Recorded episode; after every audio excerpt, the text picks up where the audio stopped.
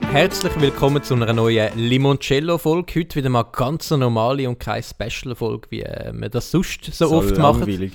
Wir nehmen zu einer Zeit auf, wo wir noch nie aufgenommen haben. Und Ja. zwar ganz früh am Morgen. Jan, was geht dir durch den Kopf zu dieser frühen äh, Ganz- Morgenstunde? Ich weiss nicht, was früh für dich ist, aber es ist 20 ab 10. das, ist, ähm, für, für Leute wie mich ist das nicht früh am Morgen, sage ich ganz ehrlich. Ja, aber Montag am 20 ab 10 im Podcast aufnehmen, gibt Haben es wir nicht noch alle nicht Tage. Gibt es nicht alle Tage. Also ist es eigentlich gleich eine, Spe eine Special-Folge. Ja. Ah, Eigentlich schon. Ja, sehe ich auch so. Nick, wie siehst es du? Ähm, ich habe mir noch etwas aufgeschrieben und sonst vergesse ich das auch wieder. Äh, oh nein, ich habe es aufgeschrieben, vergesse es nicht. Aber äh, wir haben, wir haben Das in, wird ja der, geil. äh, in den ersten fünf Folgen, die wir damals gemacht haben, haben Mhm. wir irgendwann einmal gesagt, gehabt, wir, wir tun in der Folge 48 klären, wie wir auf den Namen Limoncello gekommen sind. Jetzt sind wir Mhm. bei der Fol- Folge 51, glaube ich. Ähm, oder 52 und wir haben es noch nicht gemacht. Und es wird heute im Verlauf der Folge wird es noch passieren. Also ich kann noch nicht am Anfang. Mhm. Ich sage Ja. nur so viel, es hat etwas zu tun Äh, Mit mit, Limoncello. es, hat, äh, es hat etwas mit unserer Vergangenheit zu tun. mhm, etwas ganz Dunkles, wo, wo man eigentlich sonst nicht in der Öffentlichkeit erzählt. Ja, aber Ja. da wir jetzt äh, fast noch ein bisschen zu gut gelaunt sind im Moment, äh, Ist fast schon zu schade, ja, dass machen wir jetzt das schon erzählen. später. Jetzt Ja, ist die es nimmt, Stimmung es, es noch nimmt ja die heiter. ganze Spannung aus, wenn wir es jetzt schon sagen. Das ist ja so. Dann stellen die Leute wieder ab. Das stimmt. Wenn wir sagen, wir bauen es irgendwo ein, dann hören sie es durch, um um es sicher mitbekommen. Voll. Ja, das ist ja perfekt Genau. so. Das ist ja absolut perfekt. Jungs, ähm, bevor wir uns da noch in, äh, um Kopf und Kragen äh, Ins reden, Nir- Ins Nirvana. hätte ich genau, es führt nämlich ins Nirvana rein, haben die gerade eine geile Geschichte zum Einstieg. Sonst äh, habe ich eine kleine. Wir erzählen immer noch Geschichten, können wir mal etwas anderes machen? Also wir können auch philosophieren. Was hast du für ein Thema? Nein, komm, erzähl deine Geschichte. Ich bin gespannt. Also. Gespannt, wie ich Omas Wäsche alleine. Ist jetzt keine wahnsinnig grosse Geschichte, aber ähm, ich bin, Hoppala. ich bin äh, vor ein paar Tagen aus Versehen in die Frauenkabine reingelaufen, im Fitnesscenter. Oh, aus Hoppla. Versehen? Bist du Ähm, sicher? ja, Ich glaube nicht, das glaube ich dir nicht. die sind eben am Umbauen Mhm. und äh, Na, dann muss man ja fast. hat man Musst eine die, Ausrede. Gunst, musst die Gunst der Stunde nutzen. genau. Die sind am Umbauen und dann haben sie so eine provisorische Kabine und die haben eben die Männer gehabt und die Frauen haben schon in die richtigen Kabinen können. Und die von den Mann war sozusagen unten rechts. Gewesen. Und dann haben sie aber auf das Mal gekehrt. Und Jetzt haben die Männer die richtigen Kabinen und die Frauen Ah. haben in die provisorischen müssen. Und ich äh, bin dann natürlich, äh, liess da gar nicht mehr durch, sondern gehe da schnurstracks Das in ist meine eine Kabine. Routine, das Ganze. Reine Routine. Und da sieht man, man muss wieder mal aus Routine ausbrechen, weil sonst passiert so etwas. Ich bin dann nämlich in die Kabine reingelaufen, also zwei Schritte hin gehabt. Dann sehe ich plötzlich eine Frau, bleibe ich stehen und denke mir, uiuiui, ui, du, die ist ja aber in der falschen Kabine rein, die Dame. dann habe ich, habe ich weitergeschaut, gerade nochmal eine Frau gesehen. Dann habe ich gedacht, Moment mal, irgendetwas stimmt nicht. bin hier im falschen Film. Und die haben nichts gesagt. Nein, die haben mich einfach angeschaut. Aber die, sind, also die haben etwas angehabt. Ähm, und dann bin ich äh, einen Schritt rausgegangen und habe gedacht, Moment mal, kann es sein, dass die Kabine gewechselt haben? da ist mir nochmal eine Frau entgegengekommen. Und dann habe ich gedacht, gut, ich versuche es da oben nochmal. Äh, genau, und dann habe ich gedacht, geile Geschichte für den Podcast. Ja. Das war eine geile Geschichte. gewesen. Mhm. Jetzt haben wir schon die ersten Minuten gefüllt. Geil. Sehr geil. der Nick ist am Minuten Wenn wir, wenn wir über das Thema Liebe philosophieren. Über das Thema Liebe philosophieren. Wieso hast hast du deine Liebe gefunden dort, äh, in Bist- dieser Kabine? Hast Herzflattern bekommen in den letzten paar Tagen? Nein, aber ihr habt ja keine Geschichte. Dann müssen wir Ich kann- anfangen weißt du, wie eine philosophieren. gute Geschichte also, habe ich. komm, raus damit. Äh, äh, ich hatte ich hab die Geschichte eigentlich schon letztes Mal wollen erzählen, aber wegen dieser ganzen Autosache und so. Äh, Auto ist ja untergegangen, wir mögen uns besinnen. Und dann ist auch die Geschichte untergegangen. dann ist ja Geschichte untergegangen. Darum, vielleicht bringe ich sie nicht mehr ganz zusammen, aber vielleicht auch schon. Ähm, ich gehe sehr gerne, also sehr gerne eigentlich nicht, aber ich gehe häufig allein ins Kino. Ähm, und da gibt es so eigentlich vier Situationen, die du kannst antreffen kannst. Entweder du bist ganz allein im Kino, das ist eigentlich der geilste Moment. Das ist halt häufig unter der Woche. Äh, oder es hat so ein paar ganz wenige, wenn vielleicht so ein anderes Bärli dort ist oder drei, vier Leute. Und dann ist es mega komisch, wenn du einfach auch noch dort bist. Ähm, und dann gibt es halt eher viele Leute, das habe ich eigentlich noch gern, wenn so ein bisschen etwas läuft. Wenn es aber ganz viele Leute hat, wie jetzt zum Beispiel so ein Blockbuster oder so, dann hat es uh, hure viele Leute und dann, wenn du dort allein gehst, dann ist es eigentlich, äh, auch nicht mehr schön. Eigentlich völlig unwichtig. Auf jeden Fall bin ich äh, Cruella Das sind die schauen. drei Szenarien, die möglich sind. Genau, vier. Du hast gesagt vier. Ähm, ja. Äh, Ist ich bin Cruella, Cruella. der zweite Teil von Maleficent. Oder Nein, nein, nein, nein, nein. Cruella ist ein Film über die Vorgeschichte von der Bösewichtin Cruella halt von 101 Dalmatiner. Ah, Und es du ist bist halt dann- eine Realverfilmung. Ist auch so ein Film, den jetzt niemand gebraucht hat. äh, aber Aber es zum ist noch ein bisschen- zum noch ein bisschen Geld zu machen. Ja, ja, klar. Also ist, und man muss auch Ist ein sagen, Purdog, hä? es ist... Mut- Mutter Geld. Oder ein Cash Cow. Cash Ist noch Cow, ein ja, Cash eher Cow. das. Aber es ist so ein Film, ähm, der, ja, er, er, er macht gar keinen Sinn. Also, äh, an und für sich ist er, noch, ist er noch spannend, ein bisschen zu lang, aber nachher, wenn, du- wenn du 101 Dalmatiner schaust, dann geht es gar nicht auf, weil es ist ja die Vorgeschichte von der, aber es macht gar keinen Sinn. Ich glaube, vielleicht kommt ja noch eine 101 Dalmatiner Realverfilmung. Vielleicht, ja. Die dann aber mehr mit dem Film zu tun hat. ja sie haben eben, glaube ich, noch einen zweiten Teil wollen machen Oh aber, äh, Gott nein, im Himmel. ja. äh, Micha geht schon wieder ans Handy, Nein, schade. nein, nein, nein. Schade so etwas. Ich bin einfach am Ja, schauen, ich- ich ob ich, bin's nicht ob ich einmal. auch noch eine Geschichte aufgeschrieben habe. Weil, ah, ähm, am besten hören wir mir nicht zu, cool. Doch. du bist gerade so Finde spannend. ich- du bist gewesen. bist, äh, äh, 101 101 Dalmatiner schauen. Nein, äh, natürlich äh, die der Vorgeschichte von der Film, Bösewichtin. Film, Film deckt sich überhaupt nicht mit dem Zeichentrickfilm. Schau, äh, Micha ist am Handy, Gut, Diana am komm, ich Laptop. leg's weg. Dann äh, weiss ich jetzt nicht mehr, was zu erzählen, aber ich lasse mich jetzt wohl im Flow leiten. Sehr In den geil. Flow. Oh, Also. Naja, ich bin in das Kino reingegangen. Ah, die Geschichte ist ja gar noch nicht fertig. Nein, ich ich bin, dachte, du bist einen Film schauen, geile Geschichte. Super Sache. ich bin ins Kino reingegangen und es hat nur ein, zwei, zwei andere Leute gehabt. Das war ein Bärli. Gewesen. Und Mhm. das ist immer ganz komisch, wenn es so ein Bärli hat und dann bist einfach du auch noch dort. Und meine, die haben sich natürlich gefreut, dass sie jetzt allein sind. Und du bist neben, natürlich neben dir gesessen im leeren Kino. Ah, natürlich nicht. Ich bin natürlich bewusst ein bisschen weiter vorne gesessen, damit sie nicht das Gefühl haben, ich schaue von hinten ihnen zu, gell? Mhm. ganz klar.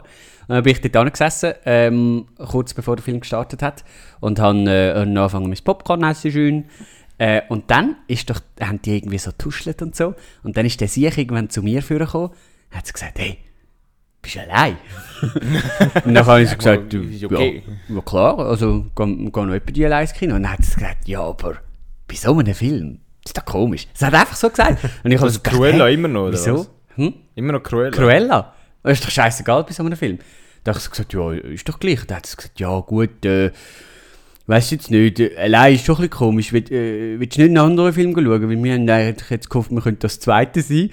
Dann habe ich gedacht, was, was will jetzt der von mir? Ja. Blau. Äh, und dann habe ich, so, haben, han, äh, han ich mit dem halt diskutiert und dann haben wir irgendwann so gemerkt, dass wir voll aneinander vorbeireden, weil die zwei sind davon ausgegangen, dass es ein Liebesfilm wo, wo sie jetzt das zweite können umschmusen können. Weil es hat eben zur gleichen Zeit einen Film gegeben, der heisst irgendwie äh, irgendetwas mit Italy. Irgendwie. Ah, die sind in den falschen Film hineingegangen. Ja, also sie haben gemeint, Cruella sei irgendwie äh, Vite Bella oder irgend so etwas, wo eben jetzt zu dieser Zeit auch im Kino gelaufen ist.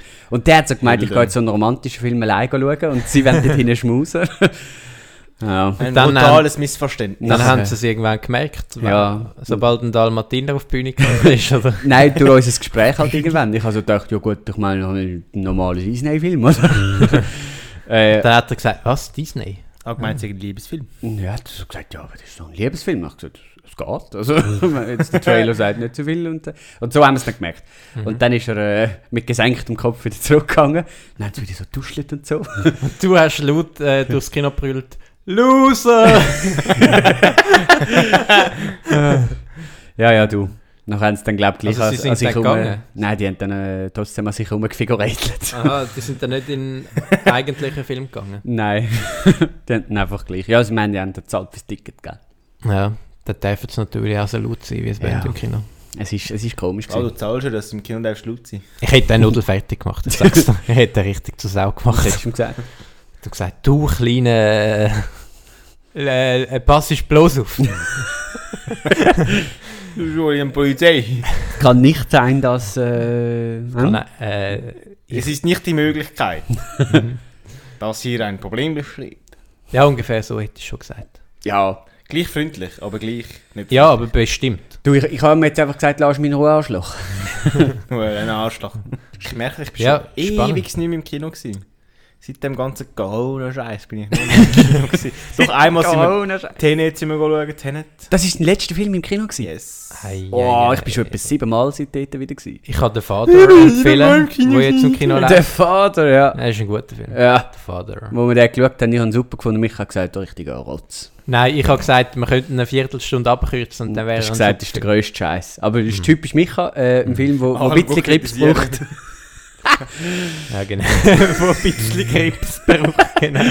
Äh, Der Nein. Nick, der Nick hat, mir, hat alle zwei Minuten über, übergelangen zu mir und gesagt, du, ähm, wie ist das jetzt? Also er, er, er ist ja die Frau vom, von der Schwester vom... Äh, man kann vielleicht noch schnell sagen, um was es dort geht. Ja. Wir sind vielleicht beide nicht so stark im Kopf. Es geht äh, darum, um einen Demenzkranken und der Film ist aus seiner Sicht erzählt. ja, Mhm. Das ist eben grandioser noch Film. spannend. Und es ist mega spannend, weil zum Teil weißt, äh, wechseln zu Schauspielern und Mhm. so und er denkt sich, wer bist jetzt du? Und sie sagt, ja, ich bin ja deine Tochter und so, aber es ist eine andere Schauspielerin. Und dann kann man schon verstehen, dass der Nick dann teilweise nicht mehr mitkommt. Der Micha hat alle fünf Minuten so gehofft, äh, wenn explodiert man wieder etwas. Vielleicht haben sie noch vergessen, die Viertelstunde rauszunehmen. Und weil ich am Nick irgendwann nicht mehr geantwortet habe auf seine dämlichen Fragen, hat er immer, immer so hässlich gekriegt. Ah, ich komme nicht mehr raus. Auch die anderen Leute haben es genossen, sagen wir es so. ja. Nein, jetzt habe ich, habe ich den Micha natürlich versucht, aus der Reserve zu locken. Mhm. Und dann verlierst verlierst halt noch schnell deine Kontenance. Ja. Die nie was. Das ist, Soll äh, rein, das das sein? ist jetzt rein pur La Galerie. gewesen. Ah, Gogo. äh, Insider-Humor. Haben die noch gerade eine geile Geschichte? Ich habe sonst eine neue Kategorie, die ich da würde eröffnen Okay, wir sind gespannt. Und wir zwar- wissen von nichts. Wir- Jan und ich schauen Wir uns wären an, jetzt wissen da- von nichts. Wir wären jetzt da inflagranti verwünscht. Ja. Und zwar, Ah, go, wer, wer auch immer von euch beiden die Folge wird schneiden, da könnt ihr einen kleinen Jingle einspielen.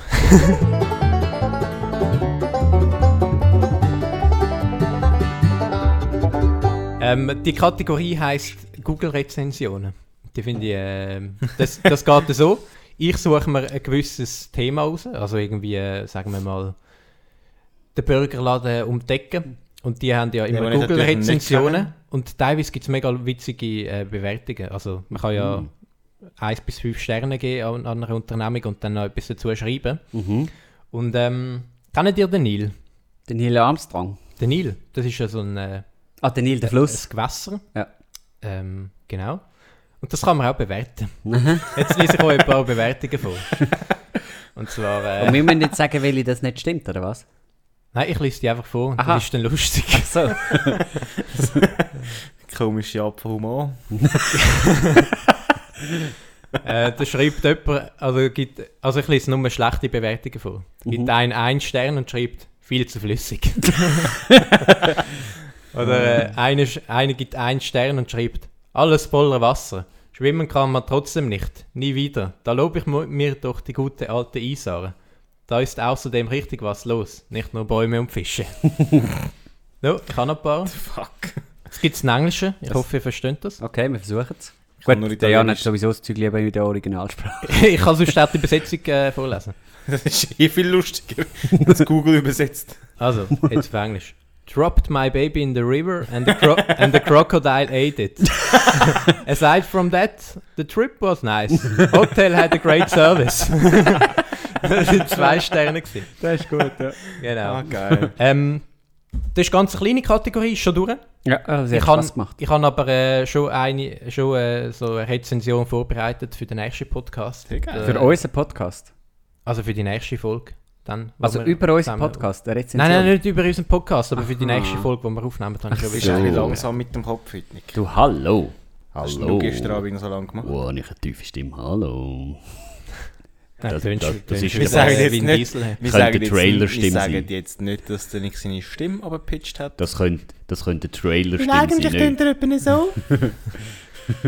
Dann ist wieder Vin Diesel. Wenn er den, Familie. In der Das Or- Originalsprache der, redet Vin der Vin Diesel, Diesel. der Vin Diesel, wenn er den Groot redet. In der, Original Ich bin Groot. in der Originalsprache tut er auch noch die Wörter verschlucken und dann versteht man mega schlecht und macht das. Passt etwa zum Nick. Wie das Stallone. Ja, gut. Ja, Schreibe dir Sehr viele geil. Google-Rezensionen. Ich habe, glaube ich, noch nie in meinem Leben irgendeine Rezension geschrieben. Nein. ich habe bis jetzt zweimal. Ah, mal, mal, Untersch- einmal, Ja, red einmal, mit einmal. Fick dich doch. drei. Aber komm, erzähl deine Geschichte. Einmal für ein, ein Lagerhaus, wo wir dabei waren, weil sie gesagt haben, wir sollen eine Rezension schreiben. Nachher hast du gesagt, das ist scheiße. Ja, nein, es war okay. Gewesen. Und das hast du so geschrieben.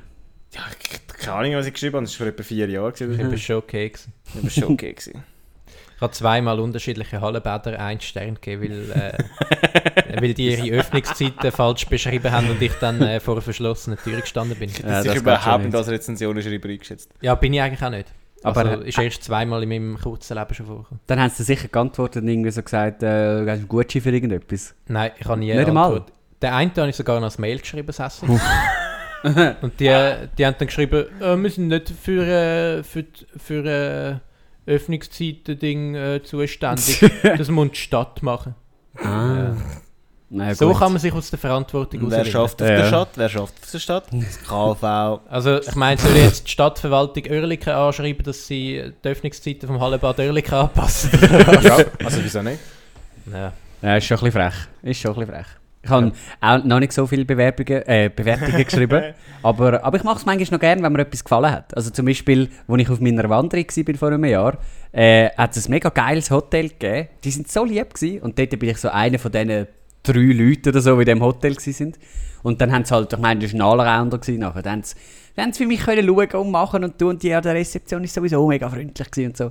Ich habe einfach auch eine gute Bewerbung geschrieben, äh, Bewertung. Und dann... Äh, dann haben sie mega Freude gehabt. Und auch die Leute haben nachher unten dran geschrieben, ah toll, danke Ihnen, haben wir wirklich auch gebucht und so. Aha, so haben sie es mega verrückt gehabt. Mhm. Ich habe gemeint, die sind dann im Hotel zu dir gekommen, haben geklopft. Haben sie die Bewertung geschrieben? Nein, wir haben wirklich Freude. Ah, nein, nein, natürlich Vielleicht nicht. den Händedruck bekommen. danke vielmals, danke, danke, danke Ja, es war vielmals. toll, gewesen, äh, haben sie Oder- mich mit Blumen be beworfen. Oder sie haben dich darum gebeten, dass du ausfüllst, die Bewertung. Dann hast du sie gerade live vor ihnen ausgefüllt und sie, sie, Sie haben haben- so leise gejubelt. So, geil! Sie haben, sie haben das Messer so an den Hals gegeben, jetzt willst du eine gute Bewertung. Ja, das habe ich aber nicht gern, wenn ich mich so äh, ein E-Mail bekomme, kann ich noch hier bewerten? Das habe ich nicht so gern. Nein. Kommt das, Das kommt immer, immer bei- automatisch über Das von kommt, Google? das kommt immer bei eat.ch, wenn du bis Essen Ja, bestellt voll. hast, kommt immer «Wie zufrieden waren Sie mit unserer Bestellung?» Also da, das kann ja nicht, äh, also das finde ich immer unsympathisch. Und also, bei wie Digitec zufrieden- auch. wie jetzt wieder kann man dort sein, das kommt und, und dann ist gut. Bei Digitec finde ich es auch immer so komisch, wenn du so ein Produkt siehst, irgendwie keine Ahnung, irgendeine tolle Kamera, und nachher siehst du so, einer hat einen Stern gegeben, oh scheiße, was ist echt? Ja, die Lieferung viel zu spät und äh. Das hat ja nichts mit dem Produkt zu tun, denke ich mir, Alter. ja, hallo.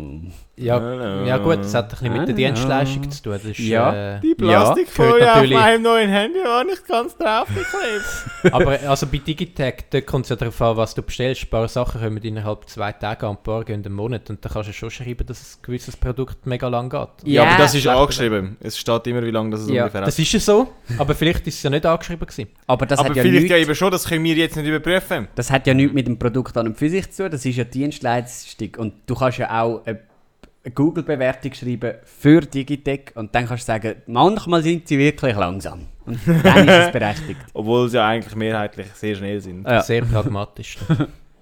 Aber auf die Du könntest- Bewertungen du würde ich könntest- eh nicht Du gehen. könntest in die Politik gehen. du hast Also immer, Bewertungen. immer eine Antwort auf die, auf die Richtig. richtige Lösung. Ja, Weißt das immer ist was sagen. so. Ja, es ist ja so. Aber ich würde auf so Bewertungen nicht mehr gehen. Wie würdest mittlerweile. Das äh, ist wie irgendwie würdest alles du so. wie würdest du den Klimawandel lösen? Nick? Ja, sicher mal, äh, sicher mal Autos verbieten und äh, Nicht, äh, meine Stimme hast du schon mal. äh, Kaffee ohne Röhrli und ähm,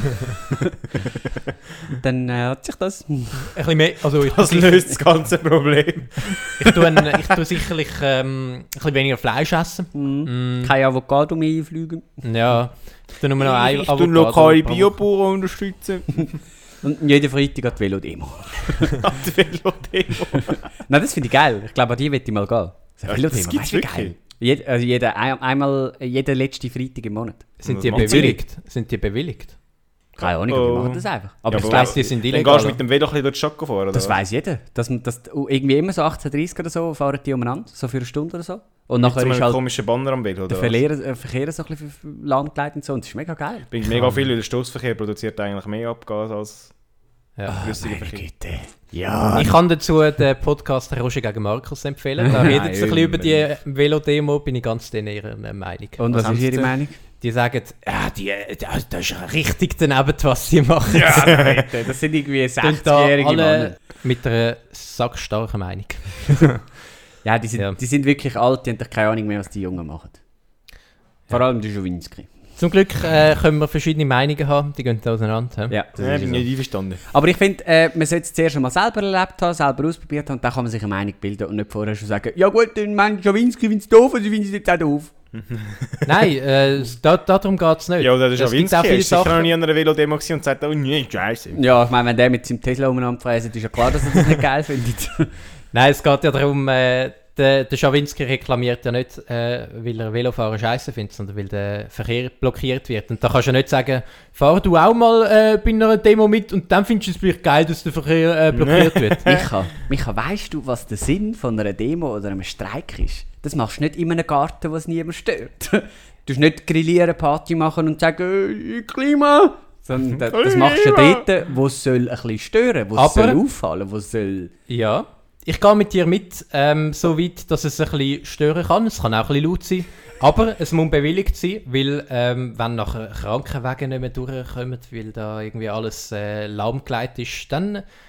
Ich finde, das muss abge äh, abgesprochen sein, sonst... Äh, Ja, aber das wird ja wohl niemand bewilligen. Also gut, vielleicht schon. Ich weiß es nicht. Ich weiß es nicht. Das kann sein. zuerst mal informieren. He? Ja.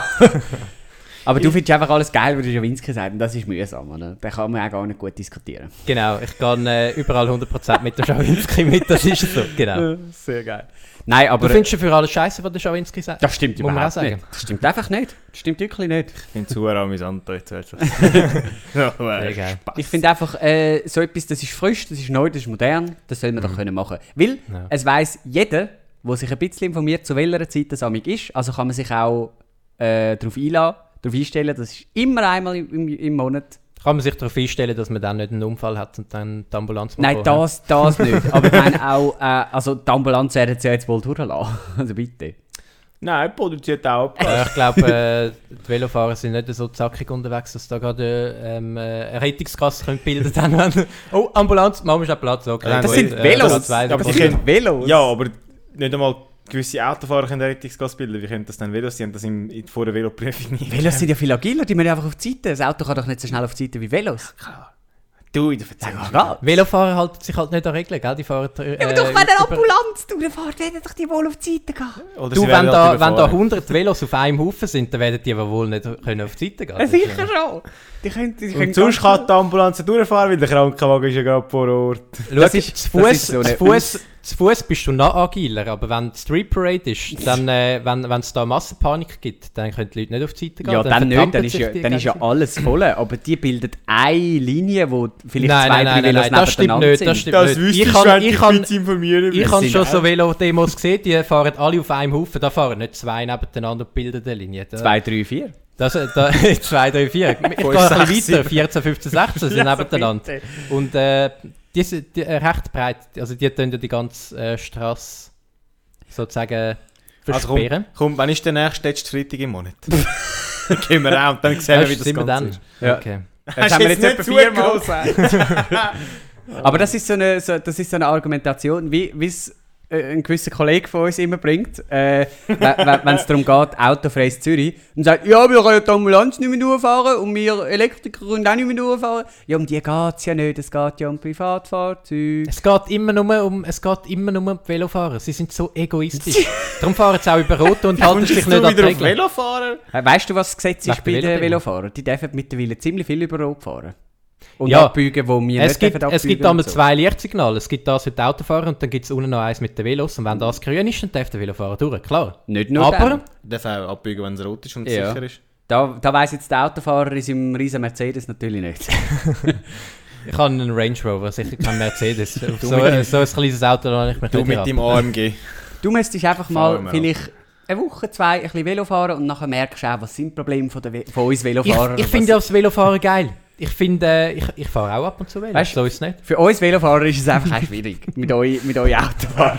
Und da mit euren Du Reisen. schau, wenn ich Velo fahre, dann reg ich mich teilweise auch über die Autofahrer auf. Das stimmt. Mhm. Das, äh, das gehört ein bisschen dazu, dass man sich äh, über den jeweils anderen Wann bist du aufregt. das letzte Mal Auto gefahren? Äh, Velo. Vor äh, fünf Tagen. Eben, siehst du. Hm. Mhm, eben. Ewigkeiten her. Ich heute Morgen. Dankeschön. ja. Gut. Ja, gut, geh, deine Gut, scheiß Velo-Demo, Wann wir bist, du das glücklich. letzte- Nick, wann bist du das letzte Mal Velo gefahren? Ich habe vorgestern gerade mein Velo geholt, das ich äh, beim Aha. Seilsport hin. Äh, Schau, vergessen komm, habe. komm geht dein Auto mal unter und du hast kein Auto mehr, bist plötzlich äh, an der Velodemos antreffen und sagst, äh, «Ja, gegen das Auto!» Ich sage einmal, nicht. Der Nick nimmt einmal das Veloführer, wird auf der Straße angesprochen. Nein, Mann, ich war ja eine Videodemo, ich auch wieder so. Du, schau, wie gesagt, wenn es bewilligt ist, ist alles okay für mich. Micha, Dir geht es um Corona-Massnahmen. Mir geht es um die Bewilligung, mir jetzt, geht es jetzt, ums jetzt, Gesetz. jetzt, tun die mich in einen Topf mit allen Was? Autofahrerinnen. Ich, ich mach gar Oder nichts. Velofahrer. Ähm, ich fahre ab und zu Auto, das gebe ich zu. Aber ich brülle Das ist ja auch nicht nicht, schlimm. wenn die Leute so etwas Lässiges machen wie eine Velodemo. Dann sage ich ja, dann hupe ich und sage geil, macht weiter, ich komme nächstes Mal auch. Wenn das sie sage ich. bewilligt ist. Der Nick geht hupen, wenn es eine Velodemo gibt und die Schweiz hupt, wenn die Italiener die Europameisterschaft gewinnen. Ja, der Nick fährt dann mit dem Auto durch und hupt richtig. Und Aber Nick- der Das Nick Sinn ist gestern von mit- so einer Der Nick ist Streik gestern oder- Abend mit seinem Velo durch Langnau gefahren, hat mit seinem Glück gesagt, «Bling, bling, bling, Italien gewonnen!» Ist mir scheißegal gewesen, dass Italien gewonnen hat. Ist mir so egal gewesen. Sehr geil. Die EM war so langweilig. Gewesen. Das ist Wie viele gar nicht. Spiele hast du denn geschaut? Zwei, drei. Ah.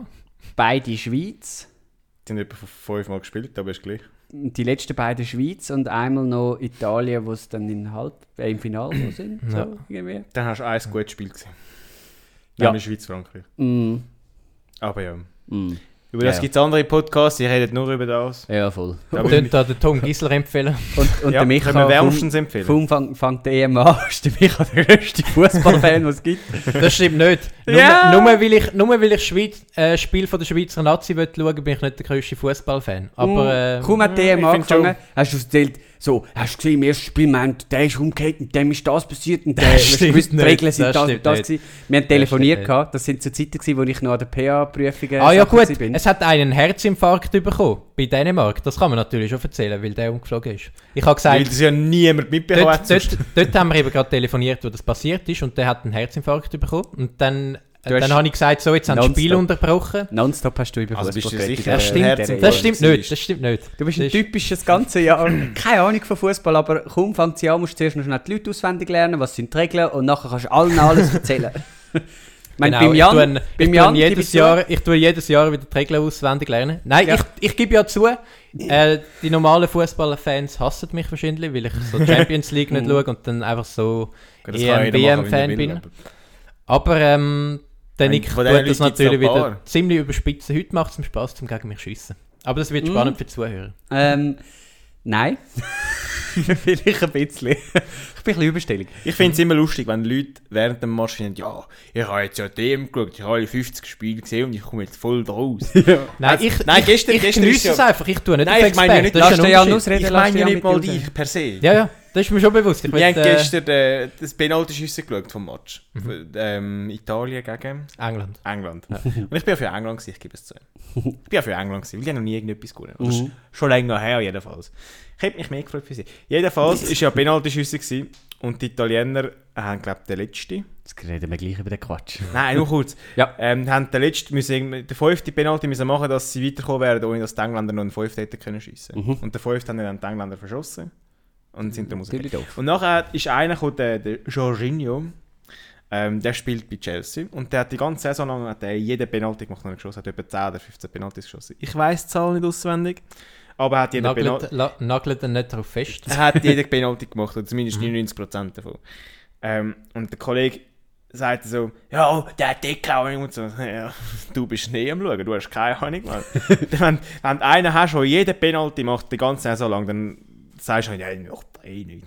Und denkst so, äh. Das sind eben so die... die So, hast ich sage keine ich sag jetzt Ahnung. mal meine Meinung dazu. Ich finde, ähm, wenn man zum Beispiel nur EM und WM schaut, dann finde ich das völlig okay. Es gibt ja Leute, die das so haten, die halt auch Champions League und so schauen.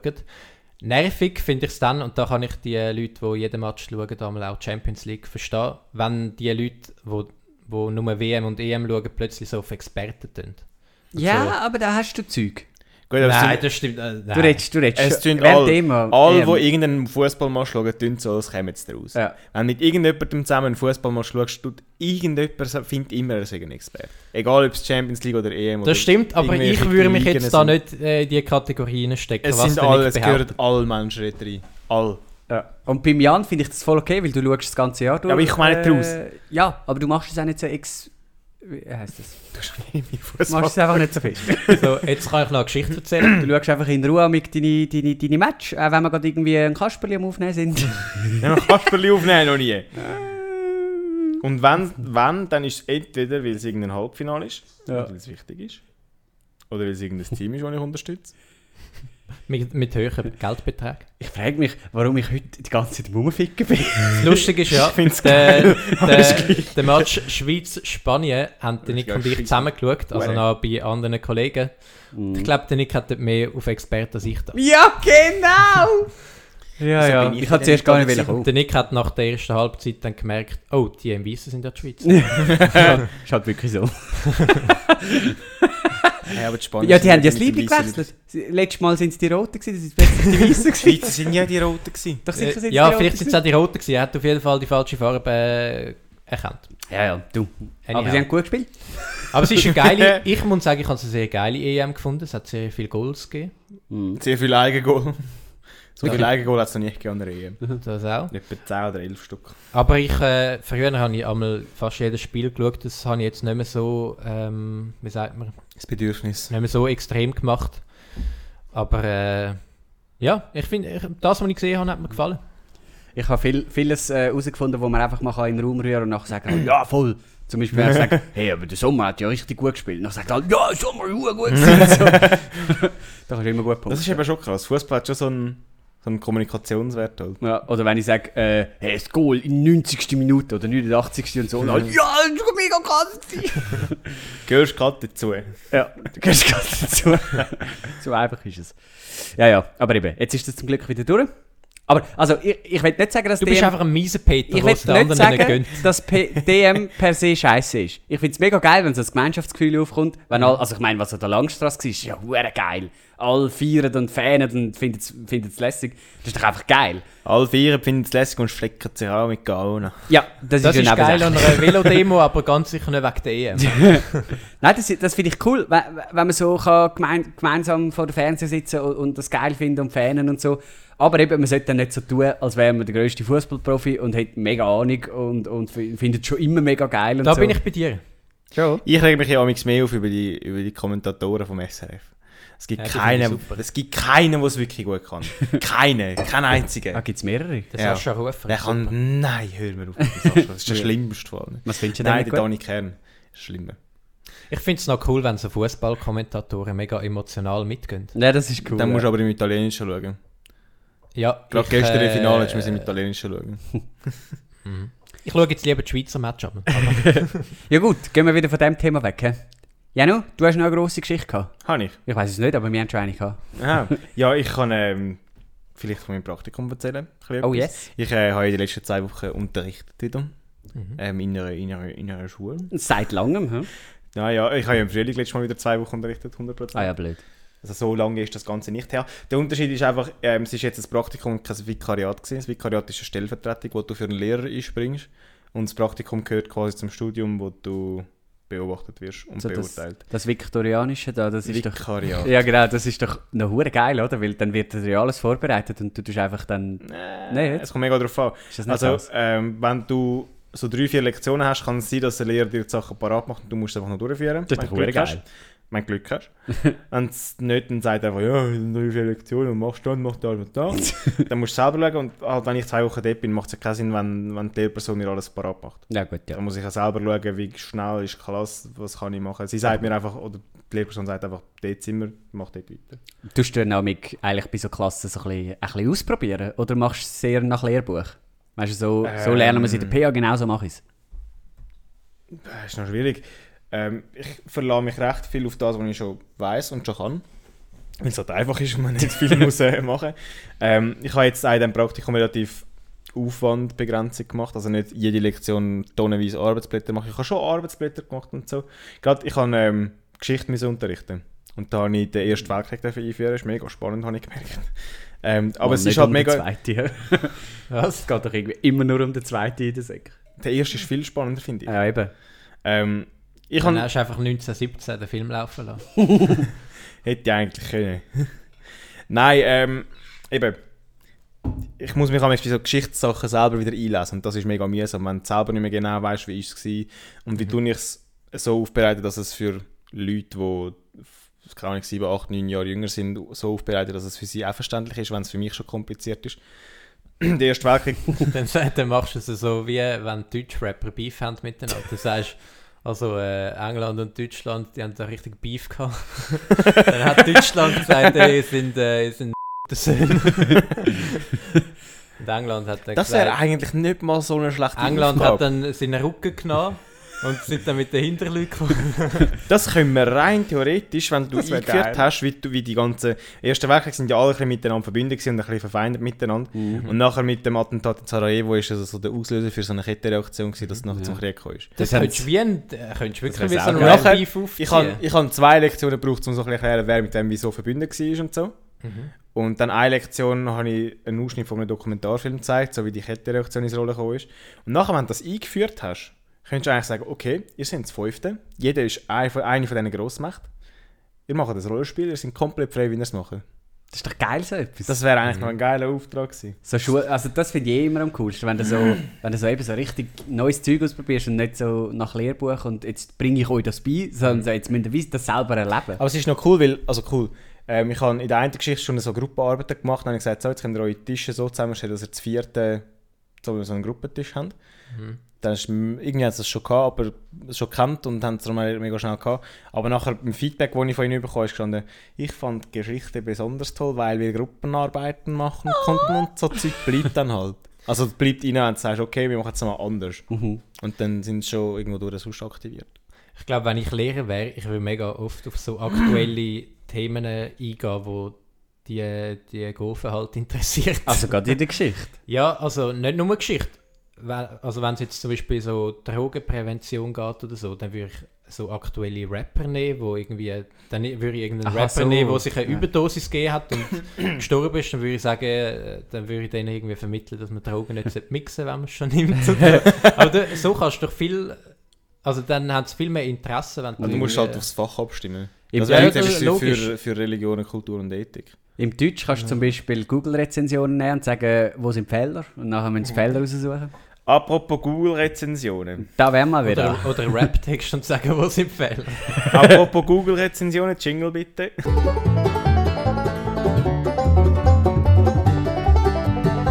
Hast du jetzt während dieser Folge einen rausgesucht? Ja, äh, Gar nicht während gemerkt. ihr da über eure Velodemos gestritten Okay, ich habt, bringe dann nachher meine, auch noch meine zweite Kategorie. während ihr über eure Velodemo gestritten habt, habe ich gedacht, hm, was passt jetzt dazu? Und Ich dachte, Bundeshaus Bern. Mhm.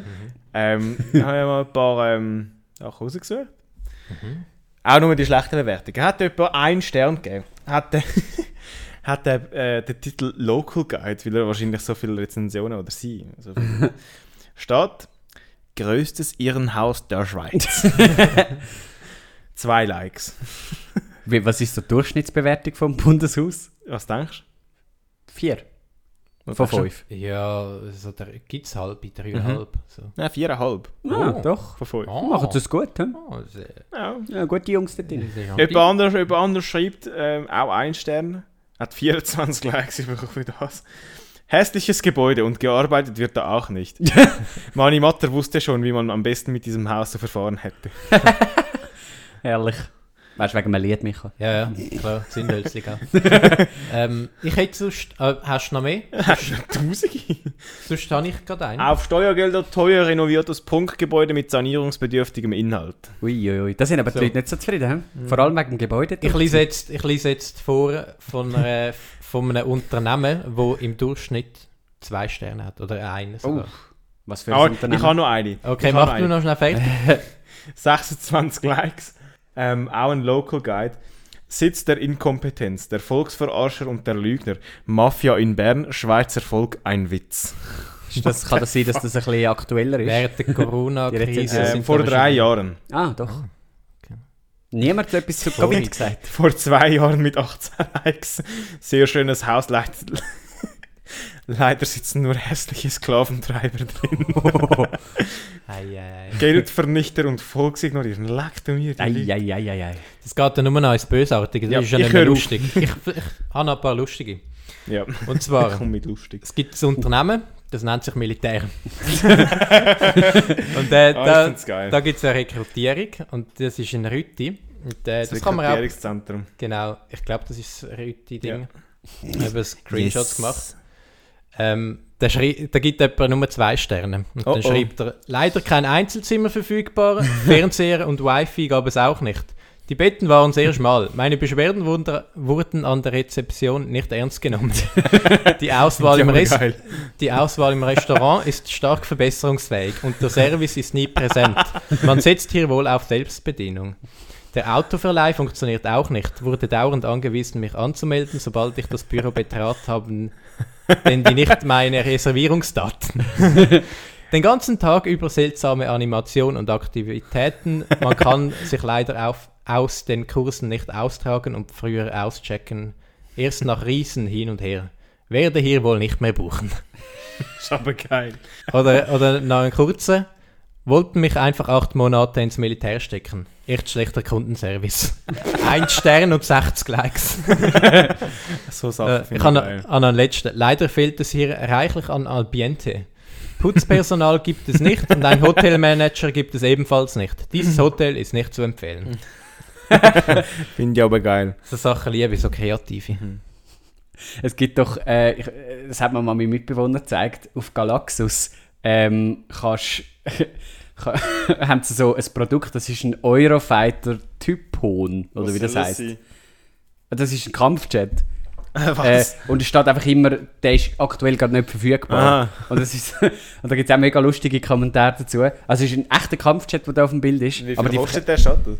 das steht auch nicht, nein. Aber logischerweise verkaufen sie den nicht, das ist einfach so als Witz. Und da gibt es mega viele Leute, die Ah, da auch lustig. Zeug dazu schreiben. Zum Beispiel einer fragt, gibt es die Abdeckung für das Cockpit dazu? Oder muss ich Angst haben, dass es ins Cockpit regnet? Ist das auch Cabriolet? Oder wie sieht es bei dem Ding aus mit dem Stecker? Liefert Galaxus den mit Schweizer Stecker oder muss ich einen Adapter haben? ist auch geil, das ist so Zeug. Äh, Das Zeug- sind so Zeug, finde ich lustig. Gibt es am Black Friday einen kleinen Rabatt? Wann kommt das neue Modell? Bitte möglichst rasch zurückmelden. Lieferzeit sehr lange. Ich Warte schon ewig. Ähm, ja, du. War Ja. doch lustig. Sehr geil. Ähm, was, was meint ihr? Ich bin ja der Touchmeister. Wollen wir da aufhören? Nehmen wir die mal tatschen. Soll ich da, soll ich da aufhören? Das beendet das Ge- äh, Spektakel. Ja, ist doch Dann, herrlich. dann danke ich, äh, danke ich vielmals allen fürs Zuhören. Euch beiden danke ich für den aktiven Danke. Diskurs. Ähm, Mhm. und äh, gute Woche. Tschüss zusammen, ciao. Ciao.